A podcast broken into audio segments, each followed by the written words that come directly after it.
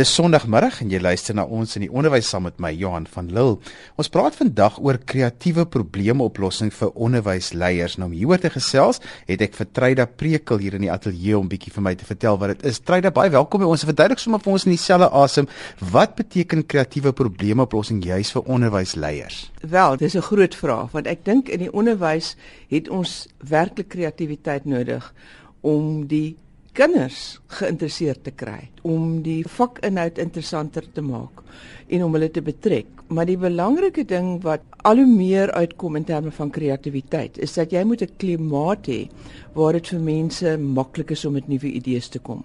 So as ons praat van die onderwysleier, moet hy oopkop wees en sy personeel en sy sekretaresse en miskien selfs die tuinier toelaat en nie net toelaat nie maar aanmoedig om met nuwe idees te kom want as hy geneig is om te dink hy het al die antwoorde, dan gaan kreatiwiteit nie gebeur nie.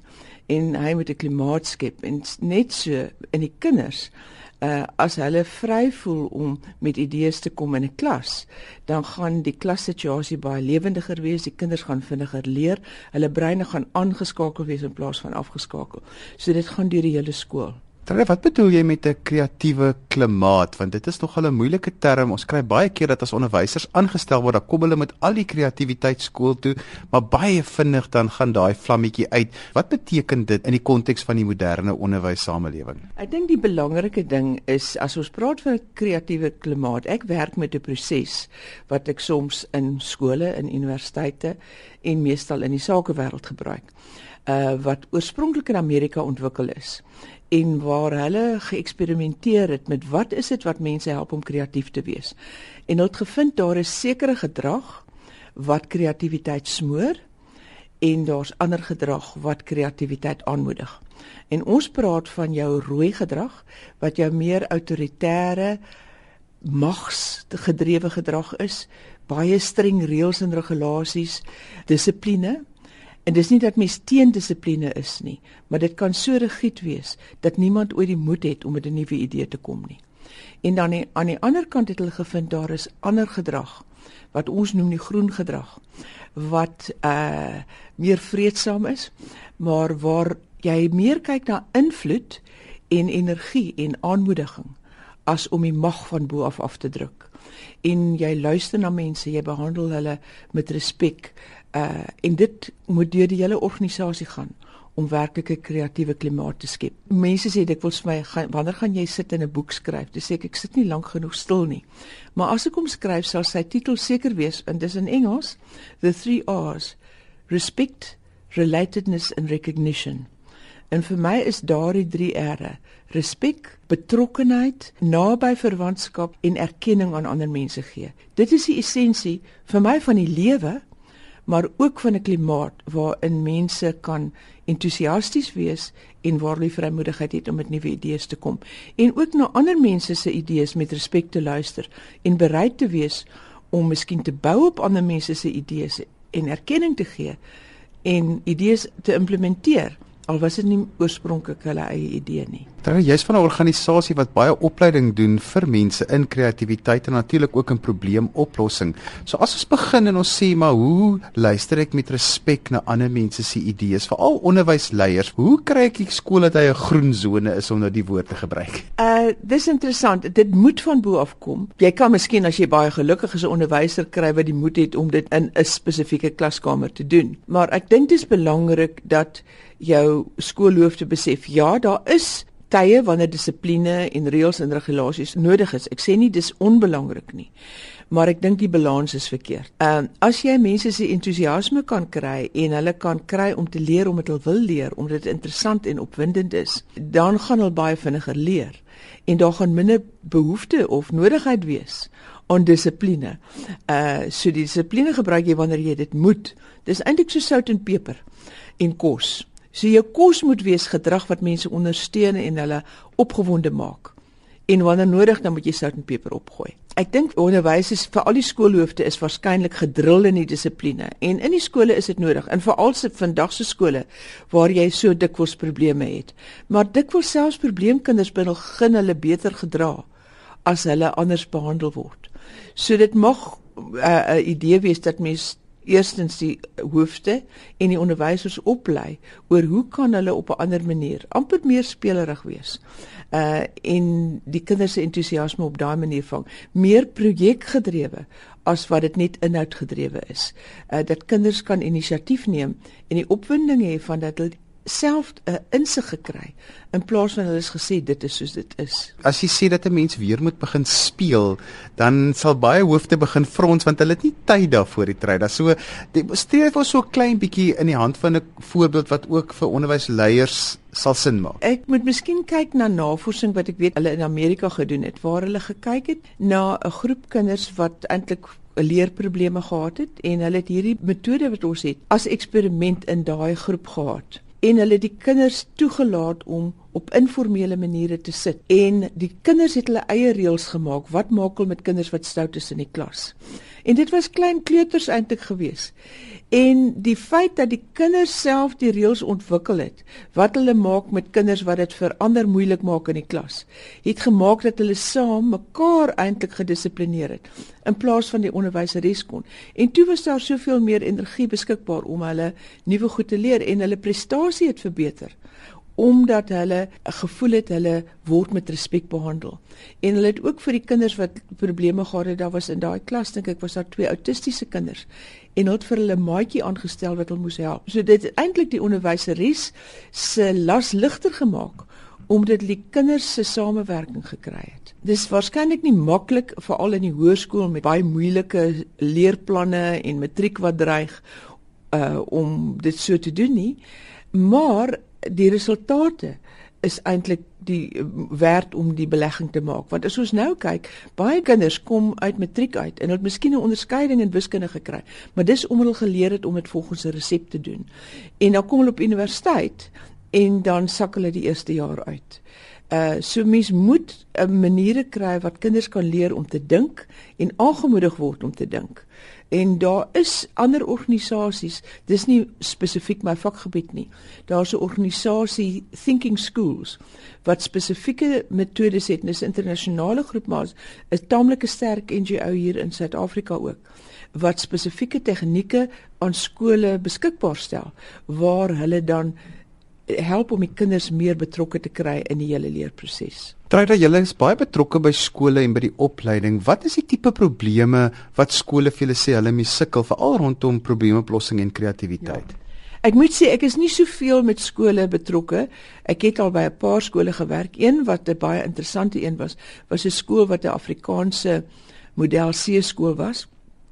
En toe na die politieke verandering, het die skool se naam verander dramaties en die samestelling van die skool. En toe was 85% van die kinders was uh, swartbrein Indiër kinders. Uh, en die onderwysers was soort van so 60-40%. So dis die soort aanpassing wat ons in ons skole gehad het. En met daai skool het ek basies as vrywilliger het ek met hulle ehm uh, 11de vorm 11 leerders het ek 'n uh, 3 uur werksessie gedoen om hulle die beginsels van samewerking in plaas van mededinging te leer. Uh ons het wat ons noem die groen gedrag. En uh, dit is vir my amper 'n missie. Hoekom werk ek nog as ek 73 is? Uh om daardie gedrag wat positiewe, respekvolle gedrag is, so wyd soos moontlik te versprei. En hulle het gesê dit het nogal 'n verandering in daai skool gemaak in die manier wat onderwysers van verskillende rasse teenoor mekaar opgetree het want hulle eintlik nie daardie gro groen gedrag as belangrik beskou nie en wat die kinders ook uh, pret gehad het om op nuwe maniere te dink. So ons het spesifieke tegnieke wat ons ook as ons nou so met 'n klomp speel vir hulle spesifieke tegnieke gee van hoe kry jy nuwe idees en partykeers moet jy met 'n verspotte idee kom om 'n kans te kry om iets te kry wat regtig nuut is. En dan het ons weer ander tegnieke wat ons vir hulle leer oor hoe gee jy die nuwe idees hande en voete. Ehm um, want jy begin miskien met 'n idee wat onmoontlik en verspot lyk, maar dan kyk jy as ons iets met daai idee kan maak. Ehm um, hoe kan ons dit moontlik maak om dit tog op 'n praktiese manier te doen? Maar dis iets wat ek nou nie eintlik maklik in 'n radiopraatjie kan oordra nie, maar daar is spesifieke tegnieke wat mens vir onderwysers kan leer uh, en wat daar waardeur ek dink hulle die opwinding van nuwe idees in in die klasse ook waar kinders kan tuisbring. Ons praat vandag oor kreatiewe probleemoplossing en hoe belangrik dit ook is vir skole om kreatief na probleme te kyk. My gas is Treyda Prekel. Nou Treyda, jy het onlangs gewerk met wetenskaponderwysers. Nou daar's niks wat so skepties is soos 'n wetenskaponderwyser vir alles dit kom by kreatiwiteit nie, want hulle werk so met eksakte feite, formules. Vertel 'n bietjie vir ons van die ervaring. Ja, dit was interessant. Ek het nou al 'n paar kansse gehad, wel daar's miskien twee. Die een is dat ek verlede jaar deur 'n NGO gevra is om met die wiskundeonderwysers van die allerbeste onafhanklike skole 'n uh, werksessies te doen met die idee dat hulle dan kan kyk waar die goeie wiskundeonderwysers is, hoe hulle die kreatiewe idees kan gebruik. En dit was interessant hoe hulle dit gebruik het en idees gekom het met hoe kan hulle hulle klassituasie omstruktureer? Hoe kan hulle hulle het gevind omdat ons in 'n baie informele manier met hulle gewerk het uh en hulle byvoorbeeld nie agter tafels gesit het nie maar in 'n halfmaan van stoele uh met knypborde op hulle skote om te, om te dink. Het hulle in party van hulle klassituasies ook die situasie meer informeel gemaak en ook kinders gekry om meer in groepe aan take te werk. Maar ek het net vir hulle die basiese insigte die tools gegee en die beginsels waarop mens mense behandel sodat hulle tuis voel. Die een van die belangrike beginsels noem ons assume positive intent. Aanvaar dat die ander persoon dit goed bedoel. En kom ons kyk nou, miskien in 'n wiskunde onderwyser, wiskunde klas. Toevallig het ek hierdie situasie in my eie familie gehad. 'n Kind vra 'n vraag. Onderwyser het miskien na die probleem uitgewerk en die kind sê: "Meneer, maar is daar nie 'n manier waarop mens dit korter kan doen nie?" Dan sê die voel die onderwyser, die kind vat hom nou aan en ons slat hom op amper op die kop. Nou nie letterlik nie. En dit was interessant. My seun was baie knap geweest met wiskunde. En hy het na ons gekom en gesê my wiskundeonderwyser hou nie van my nie. En toe sê my man wat nou toevallig 'n professor van statistiek was toe sê hy vir hom maar kan jy probeer dink wat gebeur het? Sê met dit het twee keer gebeur dat ek vir hom gesê het my is hier nie 'n korter manier om daai ding te doen. En daai onderwyser het hom waarskynlik bedreig gevoel deur daai kind en vir hom gesê nee man sit. As hy gesê het ja, dit is 'n korter metode, maar daar's 'n risiko as jy dit so doen dat jy gaan foute maak. Uh maar dankie dat jy aan daai korter metode gedink het. Uh maar kom ons doen hom maar liewer op die langer metode want hy's veiliger. Dan sê daai kind nie ontmoedig het nie en dan sy die kind sy entoesiasme behou het. En ek dink dis daardie tipe ding wat 'n mens moet onthou. So ons het die grondreël wat ons in die algemeen gebruik. Aanvaar dat die persoon dit positief bedoel. Hy vra nie 'n vraag omdat hy wil slim lyk like nie of hy weet die onderwyser wil in die gesig vat nie, maar hy's nuuskierig. En as jy daai nuuskierigheid kan behou. So ek dink dis een van die goed. So dit is nou die een ding wat vir my baie interessant was dat die vier groepe van wiskundeonderwysers met wie ek gewerk het, het wel die terugvoer wat ek gekry, hulle het van daai tegnieke gebruik en maar hulle het dit self toegepas op die manier wat hulle onderwys gegee het. Verlede week het ek 'n baie interessante ervaring gehad. Ons het die nasionale wetenskap toekenninge uh is elke jaar. Dit word deur die uh, National Science and Technology Forum in Billiton word die groot toekenninge gegee. So 44 van die grootste wetenskaplikes in die land, meeste van hulle professore by top universiteite, so 'n paar van die WNR of miskien van ander instituie, was nou die finaliste. En ek het die plesier gehad dat 10 van die finaliste as 'n deel van hulle erkenning vir dat hulle finaliste was, 'n werksessie met ons bygewoon het. En wat ook daar interessant was, so ons ook maar net vir hulle in so 4 en 'n half uur die basiese beginsels, die groen gedrag wat naby aan emosionele intelligensie is wat mense met respek behandel in kontras met die tipiese hiërargiese ehm um, magsgedrag. Te bespreek of vir hulle was dit nog hulle insig want jou hiërargiese gedrag is dikwels ook by universiteite daar. En toe met van die grondreëls wat ons gebruik het oor hoe mens luister vir idees. Gewoonlik as mens met iemand anders gesels en hy sê iets en jy stem nie saam nie. Dan het jy soet van 'n binêre manier om te dink. Ja, ek stem saam of nee, ek stem nie saam nie. En as dit nee, ek stem nie saam is nie, veral as jy baie slim is, hou jy daarvan om nie saam te stem nie. Dan hoor jy later niks anders van wat die persoon sê nie en jy begin dink, hoe kan jy argumenteer met wat hy nou gesê het? En een van ons tegnieke is luister vir idees. So selfs al stem jy nie saam nie, luister en sê, wat kan ek bou daarop? Hoe kan ek vir myself sin maak uit wat hy sê al is dit nie presies wat ek glo nie? En hoe kan ek dit verryk deur my eie insigte? So dis die tipe tegnieke wat 'n mens mense kan leer.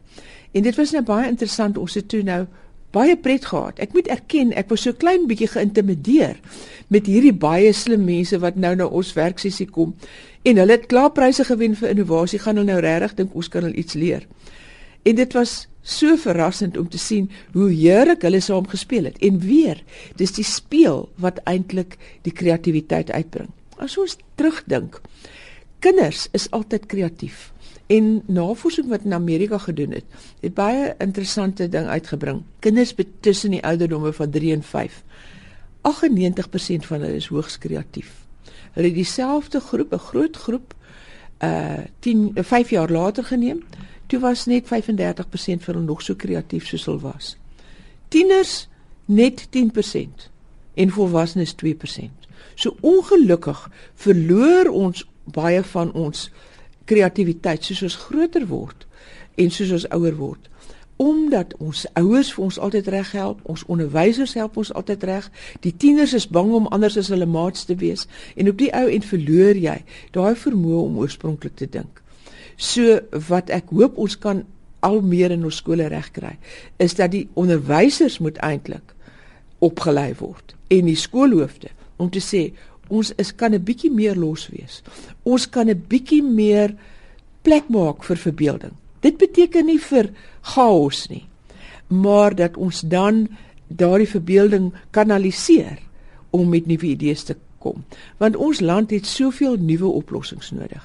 En om en om dieselfde bos hardloop help ons nie. Ons moet ons energie op nuwe maniere begin leer, gebruik. Terwyl jy net 'n baie interessante ding gesê en ek wil graag optel daarop waar jy gesê het dat 'n mens moet die ingesteldheid hê dat mense dinge goed bedoel as hulle sê. Mens kry baie keer dat daar 'n kritiese persoon op 'n onderwysspan is en as almal altyd negatief teenoor daardie persoon, so hoe maak ek daai kop skuif om dit dan te sien as dat daardie persoon se kritiek is goed bedoel? Ja, dit is interessant. Jy kry mense wat net uit aard negatief is. Hulle dink dit is slim om negatief te wees. Hulle is baie trots. Hulle sal sê hulle is die duiwels advokaat. Hulle kan altyd in enige idee 'n gaatjie sien waar daar 'n probleem mee is. Ehm um, wat met daai soort mense help is gewoonlik om een op een met hulle te probeer werk en hulle te verras deur nie met hulle te argumenteer nie. As jy met hulle argumenteer, dan is jy op 'n afwaartse spiraal. Want as hy nou jou idee afskiet, dan gaan jy sê, "Oké, okay, wanneer hy met 'n idee kom, gaan ek syne ook afskiet." En as jy hom eintlik verras en die ander wang draai en sê man ek is bly jy daai vraag gevra. Miskien kan jy vir my help. Ek het eintlik insig gehad in 'n swakheid in my idee, maar jy omdat jy daai insig gehad het, kan jy my help om daardie swakheid te oorkom. En as jy dan nie sy game speel van negatief wees nie, maar jy reageer positief op wat hy miskien negatief bedoel het, maar dalk het hy dit werklik positief bedoel, maar jy aanvaar altyd hy hy soek skoor. Uh dis die beste kans wat jy het om dit om te draai. En uh ek het eintlik materiaal wat ek met die grootste graagte aan mense sal beskikbaar stel. Ek het so 'n artikel wat geskryf is oor hierdie grondreël wat ons het. Aanvaar dat die ander ou dit goed bedoel. Assume positive intent. En uh ek dink waarskynlik moet ek op ons webwerf daardie artikel gaan laai. Uh en dan kan skoolhoofde gaan kyk op ons webwerf en dis sou miskien vir hulle die begin wees van hoe kan hulle daardie gedagte eintlik die gewoonte probeer ontwikkel in hulself en dan aangee na ander mense om eers die beste in ander mense te sien. Terwyl as 'n mens baie keer in 'n groef geval het en dalk luister jy vandag en jy dink maar ek luister nie eintlik na ander mense se idees nie of ek luister nie vir die idees nie. Watter wenke het jy vir iemand om te kan luister vir idees om jy af te sluit want ons tyd is so te sê verby? OK, wat ek dink wat nuttig is, is ek het gevind as 'n mens na iemand luister. Sê maar jy sit in 'n lesing. As jy aan die linkerkant die inhoud skryf en jou gedagtes gaan in elk geval loop, want jou brein is baie vinniger as my tong. Terwyl ek na jou inhoud luister, maar as 'n gedagte deur my kop gaan, dan skryf ek hom neer. En dan kan ek miskien na die tyd met die persoon wat gepraat het sê, "Wie jy toe jy dit gesê het, het ek daaraan gedink. Is dit miskien 'n moontlikheid waaraan ons saam kan werk?"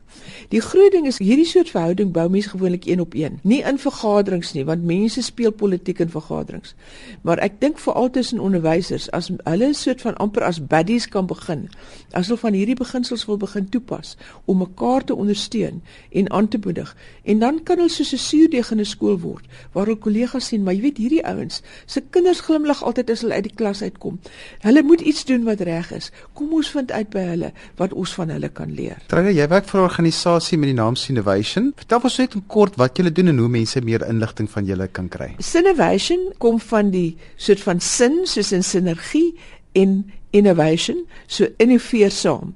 So die belangrike ding is dat mense samewerkende klimaat skep waarin mense met mekaar saamwerk in plaas van om met mekaar te kompeteer. En as mense op ons webwerf sal gaan kyk, uh, die webwerf is www.innovation met 2 nne is s y n n o v a t i o n .co.za Uh dan kan julle ook sien wat ons logo beteken want ons sê daar's eintlik 3 dinge wat bymekaar kom. Ons het twee monde op ons logo wat sê dis twee mense wat met mekaar praat. En die kleur rooi is vir my die interpersoonlike verhoudings, die respek, die liefde wat jy teenoor ander mense toon. En dan is kleur groen vir nuwigheid en vir ontwikkeling. So ons gebruik dit vir hoe kry mens nuwe idees. Maar dit help nie as jy net brainstorm en jy het nie idees wat in aksieplanne verander nie. So ons kleur blou is vir prakties in aksie aksieplanne. En as ons daai drie goed bymekaar sit, dan kry ons innovasie. Mense kan my ook e-pos, dis prekelte by Innovation, weer eens met 2 nne .co.za of as iemand regtig benoud is, kan hy op die selfoon bel 082 452 0341. Hulle kan 'n e-pos stuur en ek kan vir julle materiaal aanstuur wat interessant sal wees. Dis dan alwaar vir ons tyd het vandag. Onthou jy kan weer na die program luister as 'n pot gooi. Laat dit af by rsg.co.za. Skryf gerus vir my as jy enige kommentaar het op die program of as daar 'n onderwerp is wat jy graag wil hê ons moet aanroer in ons in die onderwys. My e-posadres is Johan@wwd.co.za. Dit is Johan by wwd.co.za of stuur 'n SMS aan 3343 teen R1.50 per SMS en onthou gratis minute tel nie. daarmee groet ek dan tot volgende Sondag. Vir my Johan van Lille. Totsiens